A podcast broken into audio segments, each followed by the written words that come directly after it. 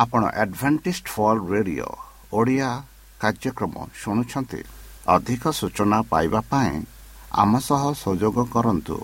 ଏକ ଆଠ ଶୂନ୍ୟ ଶୂନ୍ୟ ଆଠ ତିନି ତିନି ଦୁଇ ଦୁଇ ତିନି ଏକ କିମ୍ବା Bible at the rate of A W R dot O R G ଏହା Adventist World Radio Voice of Hope ଜୀବନଧାରା।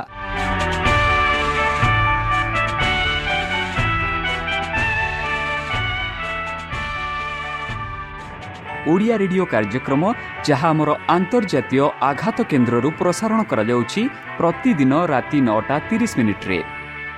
ମୁଁ ସୁବ୍ରତ କୁମାର ପତି ପ୍ରେମର ସହ ଆପଣମାନଙ୍କୁ ଏହି କାର୍ଯ୍ୟକ୍ରମକୁ ସ୍ୱାଗତ କରୁଅଛି। ଚାଲନ୍ତୁ ଆଜିର ତିରିଶ ମିନିଟ୍ର କାର୍ଯ୍ୟକ୍ରମ ବିଷୟରେ ଜାଣିନେବା। ପ୍ରଥମେ ରଖିଛୁ ଆଧ୍ୟାତ୍ମିକ ଭକ୍ତିମୟ ଗୀତ। ଏହାପରେ ଶୁଣିବା ସ୍ୱାସ୍ଥ୍ୟ ବିଷୟରେ ଯାହା ଆମର ଦୈନିକ ଜୀବନରେ ଅତ୍ୟନ୍ତ ଜରୁରୀ। ଆଉ ପରିଶେଷରେ ଶୁଣିବା ପରମେଶ୍ୱରଙ୍କ ଭକ୍ତଙ୍କଠାରୁ ଜୀବନଦାୟକ ଈଶ୍ୱରଙ୍କ ବାକ୍ୟ। ପ୍ରିୟ ଶ୍ରୋତା ତାହେଲେ ଚାଲନ୍ତୁ ଶୁଣିବା ଏକ ଆଧ୍ୟାତ୍ମିକ ଭକ୍ତିମୟ ଗୀତ।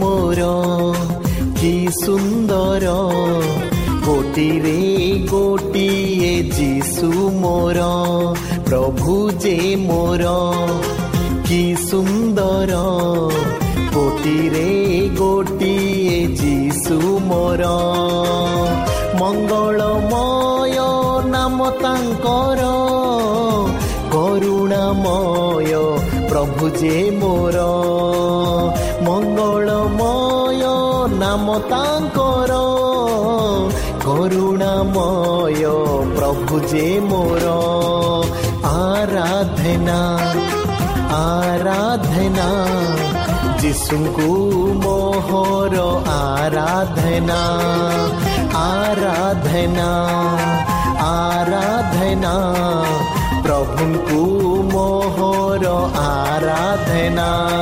ପ୍ରଭୁ ଯେ ମୋର କି ସୁନ୍ଦର କୋଟିରେ ଗୋଟିଏ ଯିଶୁ ମୋର।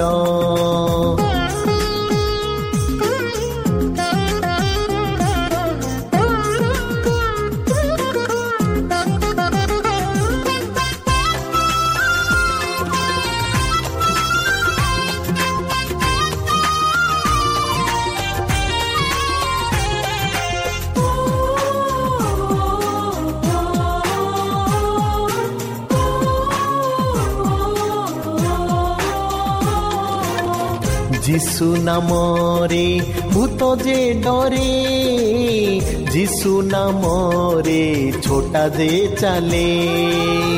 যিশু নামরে, ভূত যে ডরে, যিশু নামরে, ছোটা যে চালে। কি দয়া তাঙ্কর কি প্রেম তাঙ্কর সবুঠু সুন্দর প্রভু যে মোর কি দয়া তাঙ্কর কি প্রেম তাঙ্কর সবুঠু সুন্দর প্রভু যে মোর আরাধনা আরাধনা যিশুঙ্কু ମୋହର ଆରାଧନା ଆରାଧନା ଆରାଧନା ପ୍ରଭୁଙ୍କୁ ମୋହର ଆରାଧନା ପ୍ରଭୁ ଯେ ମୋର କି ସୁନ୍ଦର କୋଟିରେ ଗୋଟିଏ ଯୀଶୁ ମୋର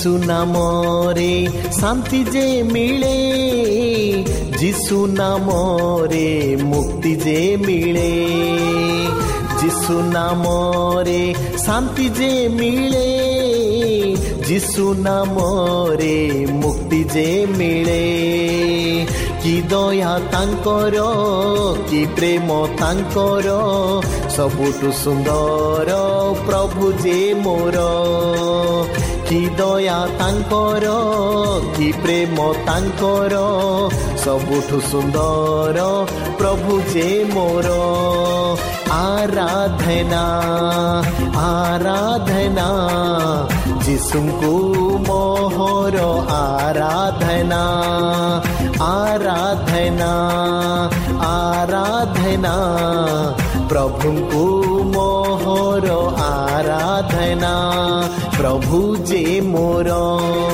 କି ସୁନ୍ଦର କୋଟିରେ ଗୋଟିଏ ଯୀଶୁ ମୋର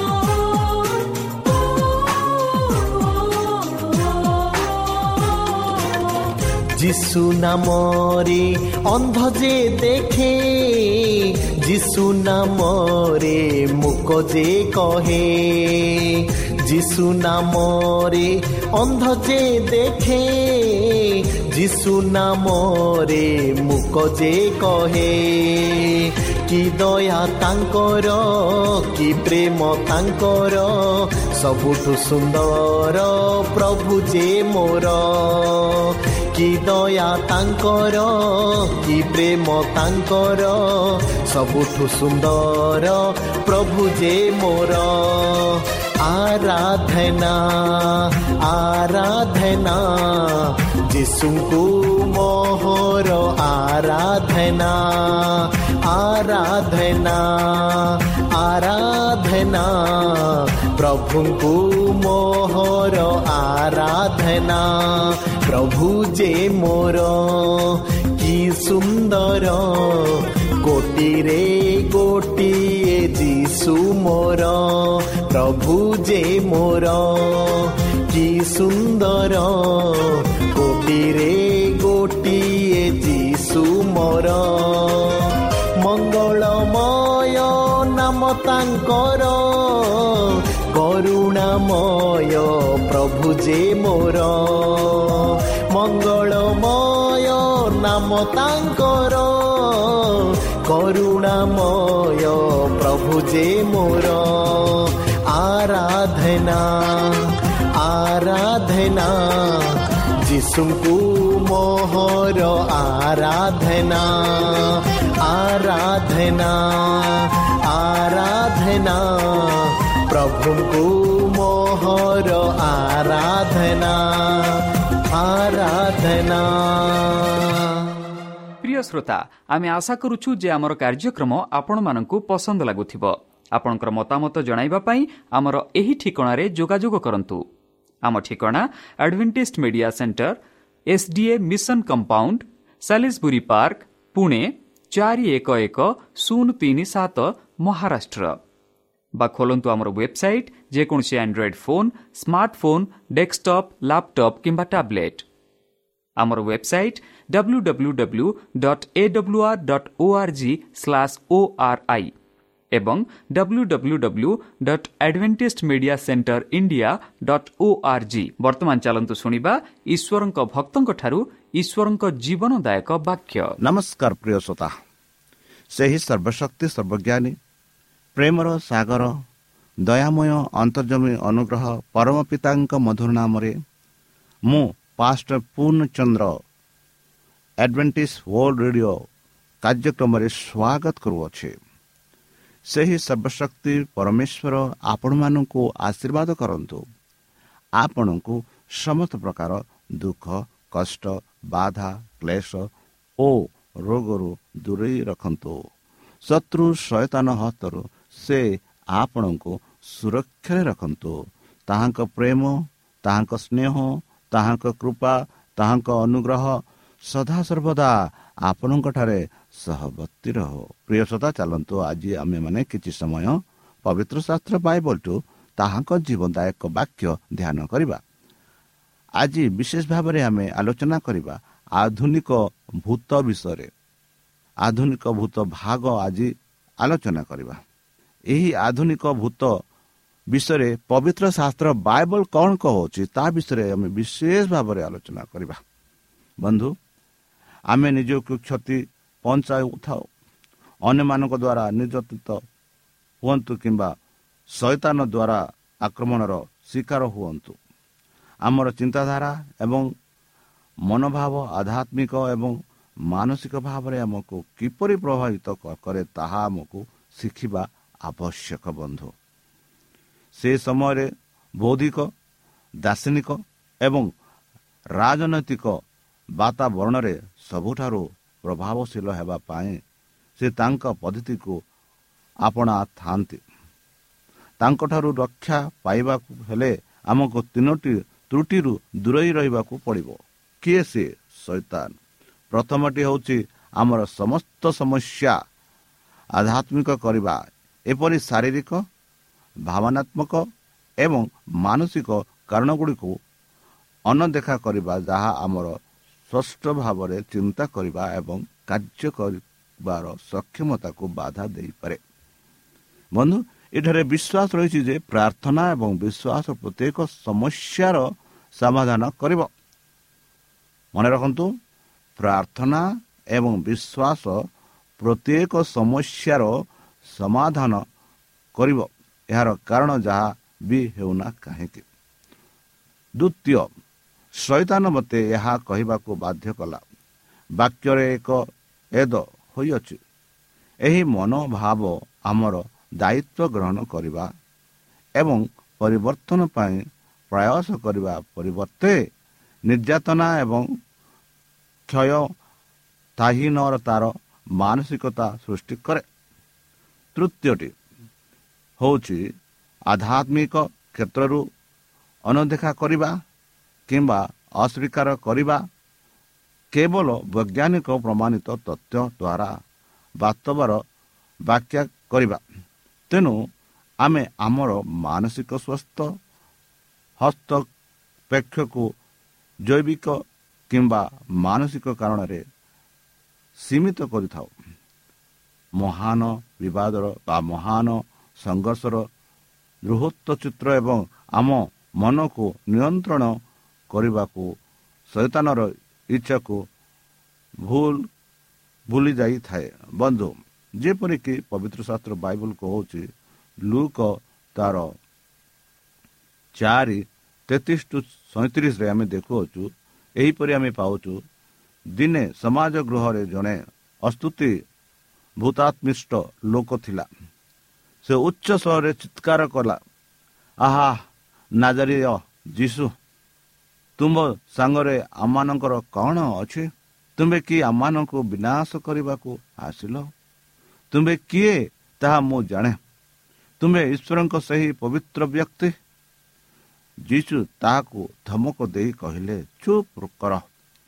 ଏହାଠାରୁ ବାହାର ଯିଆ ବାହାର ବାହାରି ଯା ସେଥିରେ ସେହି ଭୂତ ତାହାକୁ ମଧ୍ୟସ୍ଥାନରେ ପକାଇ ଦେଇ ତାହାର କୌଣସି କ୍ଷତି ନ କରି ତାଠାରୁ ବାହାରିଗଲା।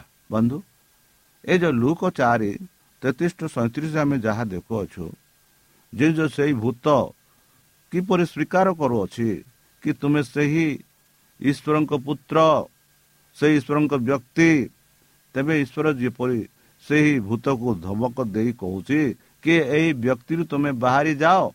ଆଉ ସେହି କଥା ମାନେ ସେହି ଭୂତ ସେହି ବ୍ୟକ୍ତି ମଧ୍ୟରୁ ବାହାରି ଗଲେ। ବନ୍ଧୁ ଯଦି ଆମେ ଆଗକୁ ଦେଖିବା ଏଥିରେ ସମସ୍ତେ ବିଶ୍ୱାନିତ ହୋଇ ପରସ୍ପର କୁହା କହି ହେଲେ ଏ କି କଥା? ଏ ଅସୁଚି ଆତ୍ମାଙ୍କୁ ଅଧିକାର ଓ ଶକ୍ତି ସହିତ ଆଦେଶ ଦିଅନ୍ତି ଆଉ ସେମାନେ ବାହାରି ଯାଆନ୍ତି। ଦେଖନ୍ତୁ ବନ୍ଧୁ ଆଜିକାଲି ଆମେ ଯେପରି ଆଧୁନିକ ଦୁନିଆରେ ବାସ କରୁଅଛୁ ଆଉ ଏହି ଆଧୁନିକ ଦୁନିଆରେ ଆମେ ଅନେକ ପ୍ରକାର ଭୂତଗ୍ରସ୍ତ ବୋଲି ଆମେ କହୁଅଛୁ ଆଉ ସେଇ ଭୂତଗ୍ରସ୍ତକୁ ଆମେ ଅନେକ ପ୍ରକାର ଲୋକକୁ ଆଣି ସେଇ ଭୂତକୁ ଛଡ଼ାଇବା ପାଇଁ ଆମେ ପ୍ରୟାସ କରିଥାଉ।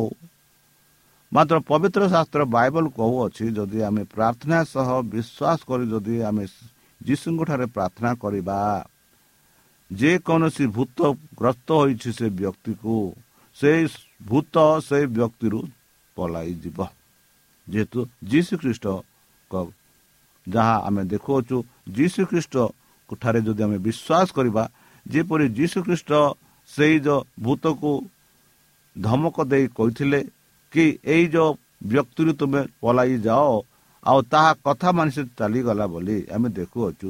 ଯଦି ଆମେ ସେହି ଯୀଶୁଖ୍ରୀଷ୍ଟଙ୍କ ଠାରେ ବିଶ୍ୱାସ କରିବା ଆଉ ସେଇ ଯୀଶୁଖ୍ରୀଷ୍ଟଙ୍କ ନାମରେ ଯଦି ଆମେ ଭୂତକୁ ଧମକ ଦେଇ କହିବା କି ଯୀଶୁଙ୍କ ନାମରେ ତୁମେ ପଳାଇ ଯାଅ ନିଶ୍ଚିତ ରୂପେ ସେହି ଭୂତ ସେହି ଭୂତଗ୍ରସ୍ତ ବ୍ୟକ୍ତିରୁ ଚାଲିଯିବ।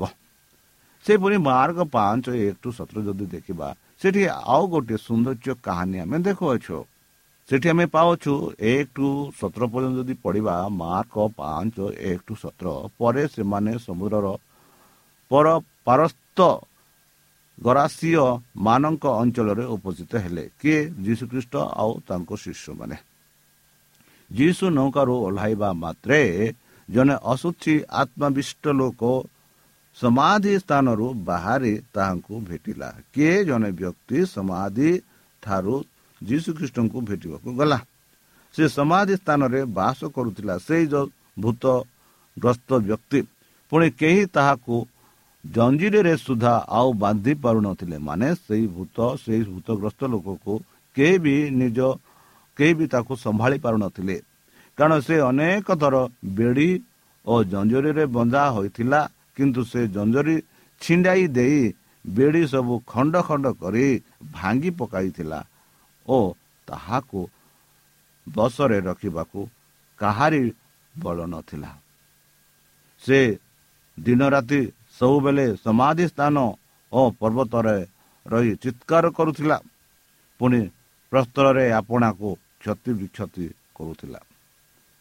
ସେ ଯୀଶୁଙ୍କୁ ଦୂରରୁ ଦେଖି ଦୌଡ଼ି ଆସି ତାହାଙ୍କୁ ପ୍ରମାଣ କଲା। ଆଉ ଉଚ୍ଚ ସ୍ୱରରେ କହିଲା ଚିତ୍କାର କରି କହିଲା ହେ ବର ପରମେଶ୍ୱର ଈଶ୍ୱରଙ୍କ ପୁତ୍ର! ଯୀଶୁ ତୁମ ସାଙ୍ଗରେ ମୋର କ'ଣ ଅଛି? ତୁମକୁ ଈଶ୍ୱରଙ୍କ ନାମରେ ଶପଥ ଦେଉଛି ମୋତେ ଯନ୍ତ୍ରଣା ଦିଅ ନାହିଁ। କାରଣ ଯୀଶୁ ତାହାଙ୍କୁ କହିବାକୁ ଯାଉଥିଲେ ଆରେ ଅସୁଚି ଆତ୍ମା ଏହି ଲୋକଠାରୁ ବାହାରି ଯା। ଆଉ ଯୀଶୁ ତାହାକୁ ପଚାରିଲେ ତୋର ନାଁ କ'ଣ? ସେ ତାହାକୁ କହିଲା ମୋର ନାଁ ହେଉଛି ବାହିନୀ। ଯେଣୁ ଆମେ ଅନେକ ପୁଣି ଯୀଶୁ ଯେପରି ସେମାନଙ୍କୁ ସେହି ଅଞ୍ଚଳରୁ ବାହାରକୁ ପଠାଇ ନ ଦିଅନ୍ତି ସେଥିପାଇଁ ସେ ତାହାଙ୍କୁ ବହୁତ ବିନତି କଲା। ସେଠାରେ ପର୍ବତ କଢ଼ରେ ଗୋଟିଏ ଘୁଷୁରୀ ପଳ ଚରୁଥିଲା ଆଉ ସେମାନେ ତାହାଙ୍କୁ ବିନତି କରି କହିଲେ ସେହି ଘୁଷୁରୀମାନଙ୍କ ଭିତରେ ପଶିବା ପାଇଁ ଆମମାନଙ୍କୁ ସେମାନଙ୍କ ମଧ୍ୟକୁ ପଠାଅ। ସେ ସେମାନଙ୍କୁ ଅନୁମତି ଦିଅନ୍ତେ। ଅସୁଚି ଆତ୍ମା ଗୁଡ଼ିକ ବାହାରି ଘୁଷୁରୀମାନଙ୍କ ଭିତରେ ପଶିଗଲେ। ସେଥିରେ ସେହି ପଲ ଅତି ବେଗରେ ଦୌଡ଼ି ଯାଇ ଦୀଖ ସ୍ଥାନରୁ ସମୁଦ୍ରରେ ପଡ଼ି ବୁଡ଼ି ମଲେ। ଘୁଷୁରୀମାନଙ୍କ ସଂଖ୍ୟା ପ୍ରାୟ ଦୁଇ ହଜାର ଥିଲା। ସେମାନଙ୍କୁ ଚରାଉଥିବା ଲୋକମାନେ ପଲାଇ ଯାଇ ନଗର ଓ ପଲ୍ଲୀ ଗୁଡ଼ିକରେ ତାହା ଜଣାଇଲେ। ସେଥିରେ ଲୋକେ କ'ଣ ଘଟିଛି ବୋଲି ଦେଖିବାକୁ ଆସିଲେ।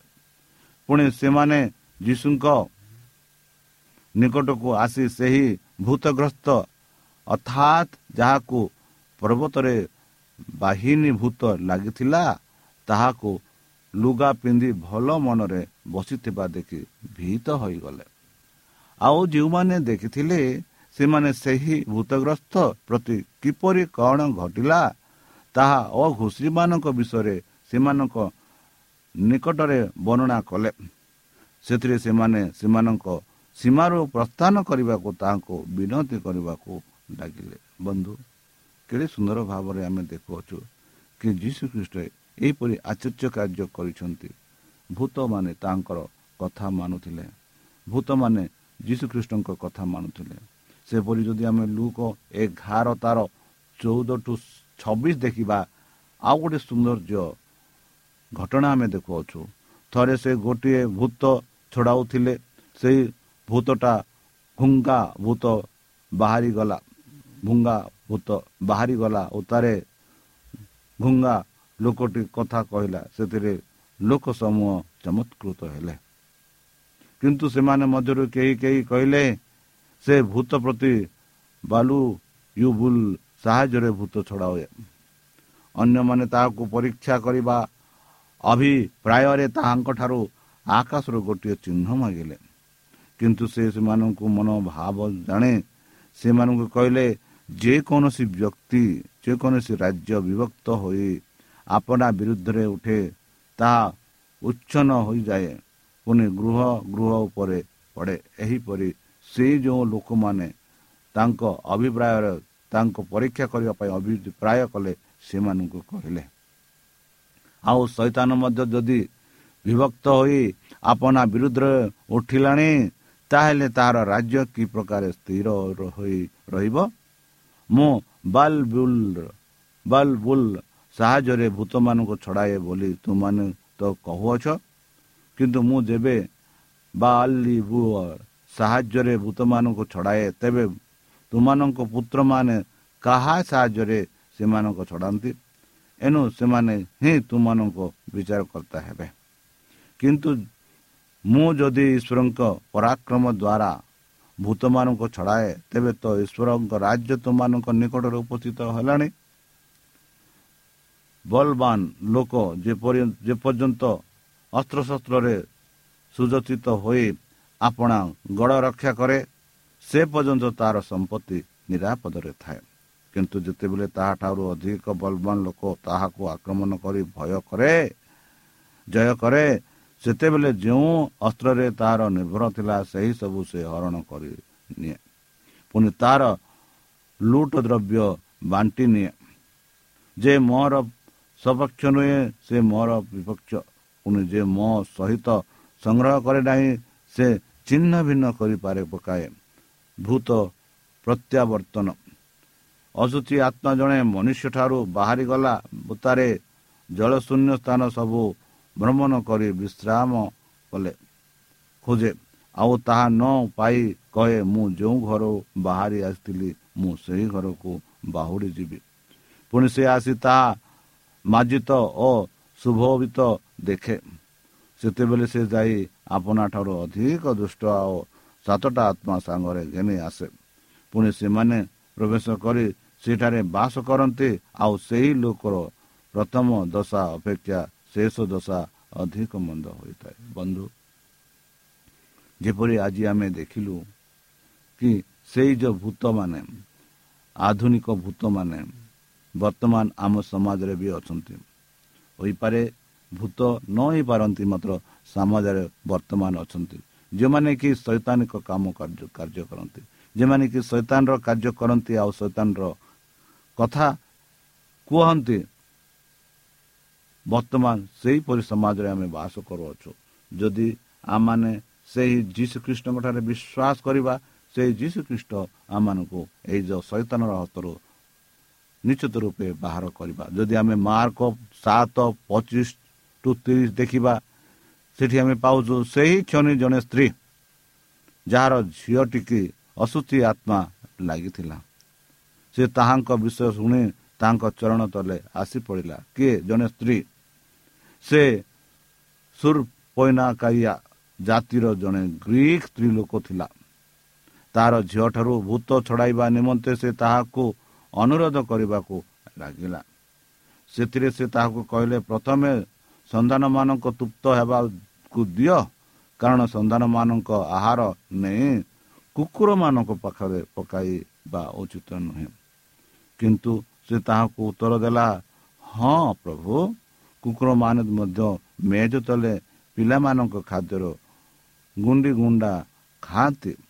ସେଥିରେ ଯୀଶୁ ତାକୁ କହିଲେ ଏହି କଥା ନିମନ୍ତେ ଯାଅ ତୁମ ଝିଅଠାରୁ ଭୂତ ବାହାରିଗଲାଣି। ପୁଣି ସେ ଘରକୁ ଯାଇ ପିଲାଟି ସେଜରେ ଶୋଇଥିବା ଓ ଭୂତ ବାହାରି ଯାଉଥିବା ଦେଖିଲେ। ବନ୍ଧୁ ଯୀଶୁ ଖ୍ରୀଷ୍ଟ ଏମିତି ପରି ଆଚର୍ଯ୍ୟ କାର୍ଯ୍ୟ ଅନେକ କରିଛନ୍ତି। ଆଉ ଯେପରି ଏଇ ଯେଉଁ ଜଣେ ସ୍ତ୍ରୀ ଯୀଶୁଙ୍କଠାରେ ଏତେ ବିଶ୍ୱାସ କଲେ ଯଦି ମୋର ଝିଅକୁ ଯୀଶୁ ପାଖକୁ ନେବି ଆଉ ଯୀଶୁକୁ ଅନୁରୋଧ କରିବି ନିଶ୍ଚିତ ରୂପେ ଯୀଶୁ ଖ୍ରୀଷ୍ଟ ମୋ ଝିଅକୁ ସୁସ୍ଥ କରିଦେବେ। ଆଉ ସେଇ ବିଶ୍ୱାସ ହିଁ ତାଙ୍କ ଝିଅକୁ ସୁସ୍ଥ କରିଥିଲେ। ବନ୍ଧୁ ଚାଲନ୍ତୁ ନିଜକୁ ଆମେ ସମର୍ପଣ କରିବା। ସେହି ଯୀଶୁ ଖ୍ରୀଷ୍ଟଙ୍କ ଠାରେ ଆମେ ବିଶ୍ୱାସ କରିବା ଯେହେତୁ ଯୀଶୁ ଖ୍ରୀଷ୍ଟଙ୍କଠାରେ ସବୁ ସମ୍ଭବ। ସେହି ଯୀଶୁ ଖ୍ରୀଷ୍ଟ ଯେତେବେଳେ ଏହି ପୃଥିବୀରେ ଥିଲେ ଅନେକ ଆଚର୍ଯ୍ୟ କାର୍ଯ୍ୟ କରିଥିଲେ ଯଦି ଆମେ ସେହି ଯୀଶୁ ଖ୍ରୀଷ୍ଟଙ୍କଠାରେ ବିଶ୍ୱାସ କରି ଆମ ନିଜ ଜୀବନ ତାଙ୍କ ହସ୍ତରେ ସମର୍ପଣ କରିବା ସେ ଆମର ସବୁକିଛି ଯତ୍ନ ନେବେ ଆଉ ସବୁକିଛି କାର୍ଯ୍ୟ ଆମ ଜୀବନରେ ସେ ଲାଗୁ କରିବେ ତାହେଲେ ଚାଲନ୍ତୁ ନିଜକୁ ସମର୍ପଣ କରି ତାହାଙ୍କ ମଧୁର ନାମେ ଆମେ ପ୍ରାର୍ଥନା ଅର୍ପଣ କରିବା ହେ ଆମ୍ଭମାନଙ୍କ ସର୍ବଶକ୍ତି ସର୍ବଜ୍ଞାନୀ ପ୍ରେମର ସାଗର ଦୟାମୟ ଅନ୍ତର୍ଜମୀ ଅନୁଗ୍ରହ ପୂରଣ ପିତା ଧନ୍ୟବାଦ ଅର୍ପଣ କରୁଛୁ ପ୍ରଭୁ ବର୍ତ୍ତମାନ ଯେଉଁ ବାକ୍ୟ ଭକ୍ତମାନଙ୍କୁ ଶୁଣିବେ ସେହି ବାକ୍ୟ ଅନୁସାରେ ଆମମାନଙ୍କୁ କରିବା ପାଇଁ ବୁଦ୍ଧିରେ ଜ୍ଞାନରେ ଶକ୍ତିରେ ପରିପୂର୍ଣ୍ଣ କର ଆଉ ପରିଶେଷ ଯେବେ ତୁମେ ତୁମ ସେହି ସହସ୍ରଦୂତଙ୍କ ସହ ଆସିବେ ସେତେବେଳେ ଆମମାନଙ୍କୁ ବାସସ୍ଥାନ ଦେବେ ପ୍ରାଣକର୍ତ୍ତା ପ୍ରଦର୍ଶିତ ମଧୁରମୟ ନାମରେ ଏହି ଛୋଟ ବିଚନ ହେଉଛି ତୁମେ ଗ୍ରହଣ କର ପ୍ରିୟ ଶ୍ରୋତା ଆମେ ଆଶା କରୁଛୁ ଯେ ଆମର କାର୍ଯ୍ୟକ୍ରମ ଆପଣମାନଙ୍କୁ ପସନ୍ଦ ଲାଗୁଥିବ। ଆପଣଙ୍କର ମତାମତ ଜଣାଇବା ପାଇଁ ଆମର ଏହି ଠିକଣାରେ ଯୋଗାଯୋଗ କରନ୍ତୁ। ଆମ ଠିକଣା Adventist Media Centre SDA Mission Compound Salisbury Park Pune ଚାରି ଏକ ଏକ ଶୂନ ତିନି ସାତ ମହାରାଷ୍ଟ୍ର। ବା ଖୋଲନ୍ତୁ ଆମର ୱେବସାଇଟ୍ ଯେକୌଣସି Android phone smartphone desktop laptop କିମ୍ବା ଟ୍ୟାବ୍ଲେଟ୍ ଆମର website W W W dot A W R dot O R G slash O R I ଏବଂ W W W dot Adventist Media Centre India dot O R G Adventist Media Centre ଇଣ୍ଡିଆର spelling ହେଉଛି A D V E N T I S T M E D I A C E N T R E I N D I A ଅଥବା download କରନ୍ତୁ ଆମର mobile app आपणकर mobile play store को जातु आउ type करतु the voice of hope आउ download करतु ईश्वर आपण को आशीर्वाद करतु धन्यवाद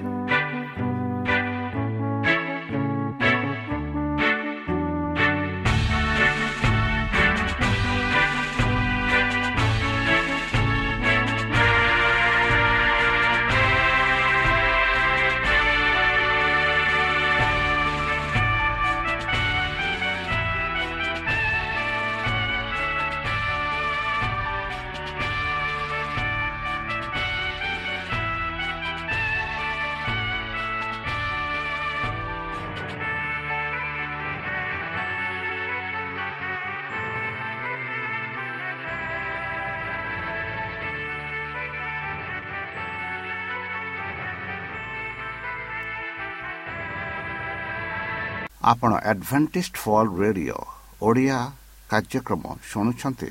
ଅଧିକ ସୂଚନା ପାଇବା ପାଇଁ ଆମ ସହ ସଂଯୋଗ କରନ୍ତୁ। ଏକ ଆଠ ଶୂନ୍ୟ ଶୂନ୍ୟ ଆଠ ତିନି ତିନି ଦୁଇ ଦୁଇ ତିନି ଏକ କିମ୍ବା Bible at the rate of A W R dot O R G